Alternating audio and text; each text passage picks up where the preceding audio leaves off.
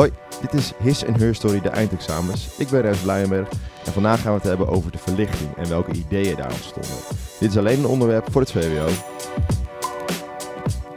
Zoals jullie van ons gewend zijn, gaan we het eerst even hebben over de tijdsafbakening die aangedragen is vanuit de examenbundel. En in deze aflevering gaat het over 1650 tot en met 1789. Nou, ik ben het er niet helemaal mee eens, want de verlichting is een hele lange periode zonder eigenlijk een begin en een eind. Maar om het voor jullie behapbaar te maken, houden we ons toch vast aan de periode 1650 tot en met 1789. Maar voordat ik iets dieper inga op de verlichting, wil ik het graag eerst hebben over de, het absolutisme, wat in dezelfde periode ontstaat. Het absolutisme is eigenlijk in het kort eh, de centralisatie van de macht en naar één heerser, een koning of een koningin die uh, regeert over het hele rijk zonder invloed van, een, uh, van ministers bijvoorbeeld of adviseurs onder hem. En het beste voorbeeld hiervan is Lodewijk XIV, ook wel de zonnekoning genoemd. En wat hij deed in deze periode is het inderdaad het verkleinen van zijn eh, ministerraad, waar ik er net over had, zodat hij minder adviseurs om zich heen had en uh, zelf de eindbeslissingen allemaal nam. Uh, hij, ging, hij voerde één staatsleger in en dat heeft te maken met de centralisatie van de macht. Dus er was één leger die in heel Frankrijk die voor hem streed. Um, hij verbood alle religies behalve het katholicisme. Dat heeft ook weer te maken met, het, uh, met de centralisatie. Er was maar één, uh, waar, het, was maar één waar geloof in uh, Frankrijk. En daarmee heeft hij inderdaad heel veel invloed op de maatschappij. En nog belangrijker in die tijd was dat hij onder leiding van zijn minister van Economie, Colbert, van het jasje, laat maar zeggen. Dus het, komt, het is onduidelijk of het jasje echt naar hem vernoemd is, maar zo kun je hem wel onthouden, Colbert. is dat hij uh, de economie en, het, en de inrichting van de economie helemaal verandert. Hij gaat zich, Frankrijk gaat zich steeds meer richten op, uh, op de industrie en de handel met het buitenland. En alle handelsgoederen komen dan ook in, eigenlijk in bezit van de staat. En hij promoot uh, de export. en de winsten van particulieren die gaan gedeeltelijk ook naar de staat. En daarmee komt de hele economie draait eigenlijk om de koning en wat de koning daarbij beslist. En um, deze alleenheerschappij verantwoordt uh, de zonnekoning door het droit de fin. En dat betekent dat hij zegt dat hij gezalfd is en gestuurd is door God om Frankrijk uh, te heersen. Dus hij heeft de macht gekregen van, uh, van God. Nou, gevolg van deze, deze alleenheerschappij, dit absolutisme, was dat de centralisatie was erg effectief. Dus hij kon beter het land regeren. En voor de economie was het ook wel uh, wel redelijk effectief, omdat uh, ja, alles was gewoon duidelijk en iedereen wist uh, wat, waar hij aan toe was. Maar um, de koningen, zoals de zonnekoning Lodewijk XIV, die leefde ook in enorme luxe en voerde enorm veel oorlogen. Uh, en dat kostte gewoon heel veel geld. En op een gegeven moment raakte gewoon de schatkist leeg. Laten we dan nu gaan naar het belangrijkste van deze aflevering. Dat is de verlichting en de ontstaansgeschiedenis van de verlichting. En als we dan kijken naar de verlichting, dan is een hele belangrijke stap naar deze verlichting toe zijn de wetenschappelijke revoluties uit de 15e en 16e en 17e eeuw. Een voorbeeld wat vaak uh, aangedragen wordt zijn de ontdekkingen van Copernicus en Galileo Galilei. Die ontdekken dat de aarde niet het centrum is uh, van het heelal, maar dat de aarde en dat de aarde om de zon heen draait. En dat is eigenlijk niet wat in de Bijbel staat, waarin, waarin vaak wordt gezegd dat uh, de aarde het centrum is uh, van het heelal. En dan zie je eigenlijk dat door deze ontdekkingen bestaande ideeën en structuren die al eeuwen bestonden vanuit het christelijk geloof bediscussieerd worden en bekritiseerd worden door deze wetenschappers. En verlichte denkers stappen in, eigenlijk in de voetsporen van deze denkwijze. En dan komen we eigenlijk bij de eerste stroming aan van, het, van de verlichting. En dat is het empirisme. En dat betekent dat de mens bouwt op kennis, uh, dat ontstaan is door middel van waarnemingen en ervaringen. En niet zomaar wordt opgedragen vanuit de Bijbel, een boek, maar echt wat je zelf ziet en wat je zelf kan waarnemen. De tweede stroming binnen, het, uh, binnen de verlichting is het rationalisme. En zij stellen dat de reden, dus je hersenen eigenlijk, de voornaamste bron is van kennis. De werkelijkheid kan alleen maar bevat worden door zelf goed na te denken over de logische structuren die jij als mens wil. En, niet te worden opgelegd of door de tussenkomst van iets of iemand anders, bijvoorbeeld God. En een bekend voorbeeld van zo'n rationalist is de Fransman René Descartes. En hij zegt eigenlijk dat we moeten proberen de oude denkpatronen die, die ons opgedragen zijn door de Griekse filosofen zoals Aristoteles en door God los moeten zien te laten. En door onze eigen waarneming moeten proberen te komen tot de absolute kennis. Echter komt Descartes ook tot de conclusie is dat hij met zijn gezonde verstand uh, niet alles kan waarnemen en dat toch misschien ook wel anders geïnterpreteerd wordt door zijn zintuigen. En wat moet hij dan kiezen? De waarneming van zijn zintuigen of het logische denken wat hij uh, vooruitstreeft? En zo, zo komt hij eigenlijk tot de conclusie dat hij één ding maar zeker weet en dat is dat hij twijfelt. En daar komt zijn bekende uitspraak vandaan: ik denk, dus eigenlijk ik twijfel, dus ik besta. Een ander voorbeeld van zo'n rationalist, en deze is goed om te houden, dat is Baruch Spinoza, geboren in Amsterdam. En hij schrijft in zijn meesterwerk de Ethica over de aanwezigheid van eh, God in het dagelijks leven. En hij stelt dat God uh, staat niet buiten de schepping. Dus alles wat bestaat, dus ook de mens zelf, is eigenlijk een verschijning van God. Dus de plant en jij is een teken dat God leeft. Maar dit is in die tijd een hele revolutionaire gedachte, omdat hij daarmee ook het beeld onderuit had van de almachtige God die alles uh, bepaalt en, en heet het kan ingrijpen in het dagelijks leven. En daar, die schuift Spinoza eigenlijk aan de kant. Daarnaast is Spinoza echt een voorvechter van de vrijheid van meningsuiting, maar krijgt hij tegelijkertijd ook te maken met de grenzen van tolerantie in de Nederlandse Republiek. Zo mag zijn werk slechts in het geheim gepubliceerd en gelezen worden.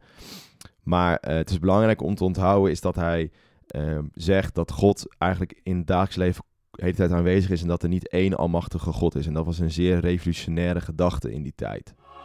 Nou, God was dus eigenlijk nog wel degelijk uh, onderdeel uh, van het menselijk uh, denken. Dat zie je ook terug in de grofweg twee stromingen die ontstaan binnen de verlichting. Ik had het net over twee denkwijzen. Dus de empiristische denkwijze die zich meer richt op de wetenschappelijke revolutie.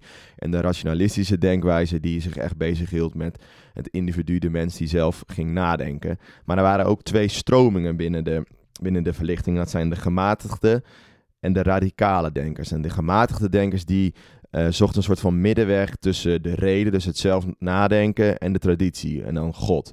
En de radicale denkers die um, streefden naar de universele waarde en de vrijheid van de mens en de complete individualistische vrijheid voor iedereen, zonder bemoeienis vanuit, vanuit het geloof of de kerk of de staat. Afgevaardigd van deze twee stromingen die gaan ook vaak met elkaar uh, in debat en dat leidt tot heftige discussies.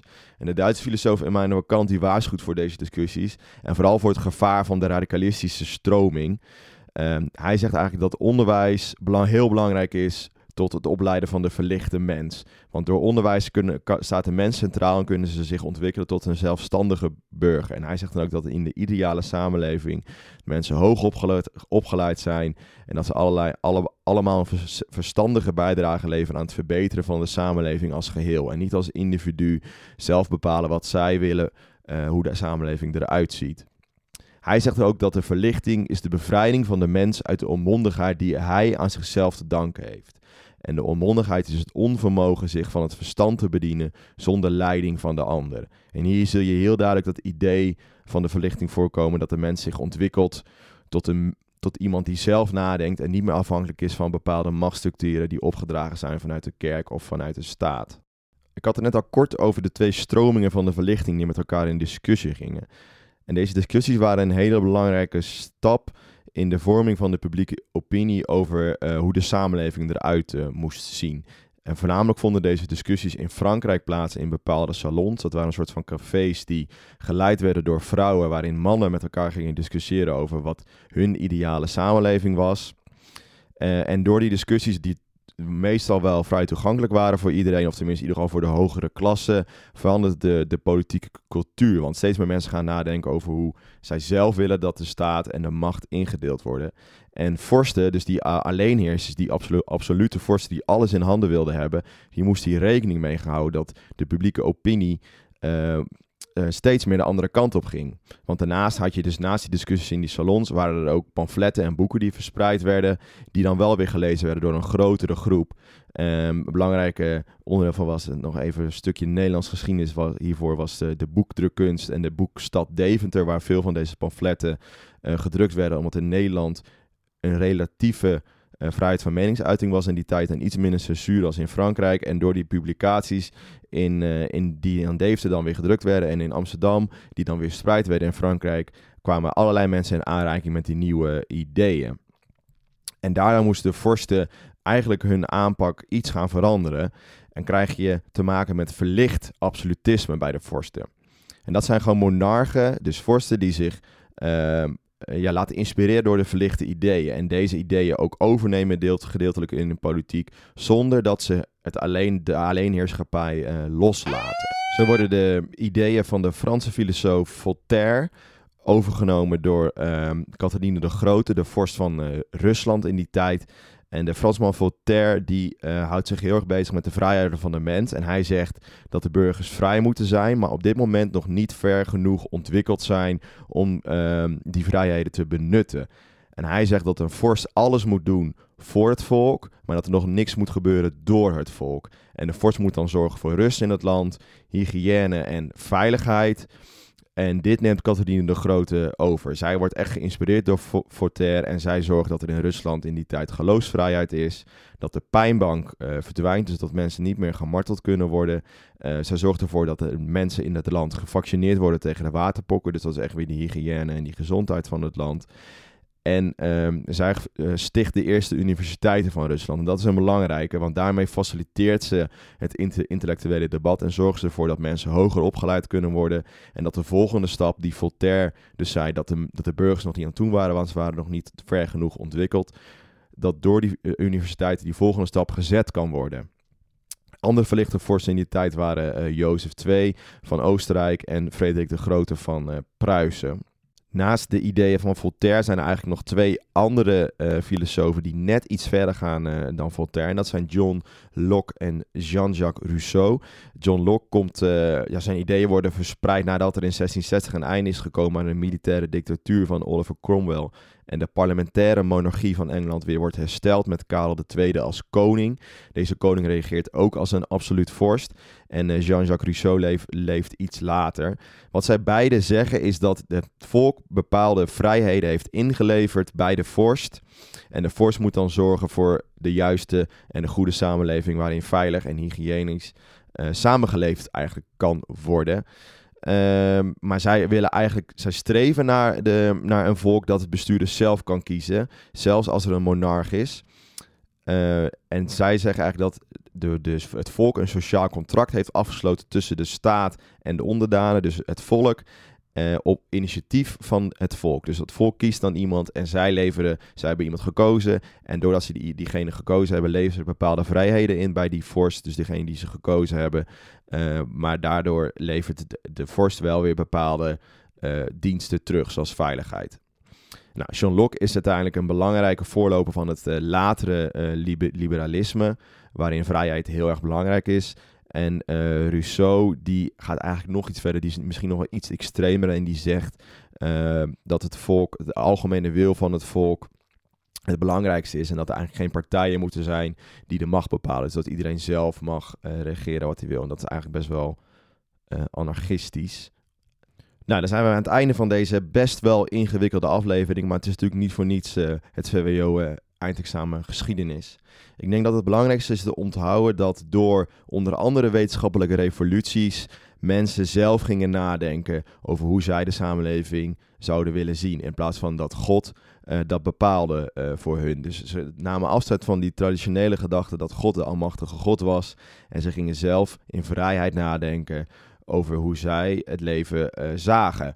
En dit werd dan fel bediscussieerd op allerlei uh, momenten, waaronder door pamfletten, waardoor vorsten uit die tijd, die zeiden dat ze door God gegeven macht hadden, dus ze waren gezalfd door God en gestuurd door God om, God om te reageren, zich gingen aanpassen en lieten inspireren door die ideeën en een soort van ja, tussenstap of poldermodel kwam tussen een absoluut vorst zijn, maar ook een beetje verlicht zijn. En een goed voorbeeld daarvan is Catharine de Grote. Nou, mocht je denken naar deze aflevering, ik snap er nog helemaal niks van, Rens, je hebt het helemaal niet goed uitgelegd. Uh, stuur ons dan gewoon een DM op Instagram en dan kunnen we al je vragen uh, beantwoorden. Vergeet ook ons zeker niet te volgen op Instagram, zodat je altijd op de hoogte blijft van nieuwe afleveringen en van onze quizjes. En uh, vertel al je vrienden en vriendinnen dat wij bestaan, zodat iedereen straks een goed cijfer heeft voor zijn eindexamen geschiedenis. Nou, succes en geluk. Joep!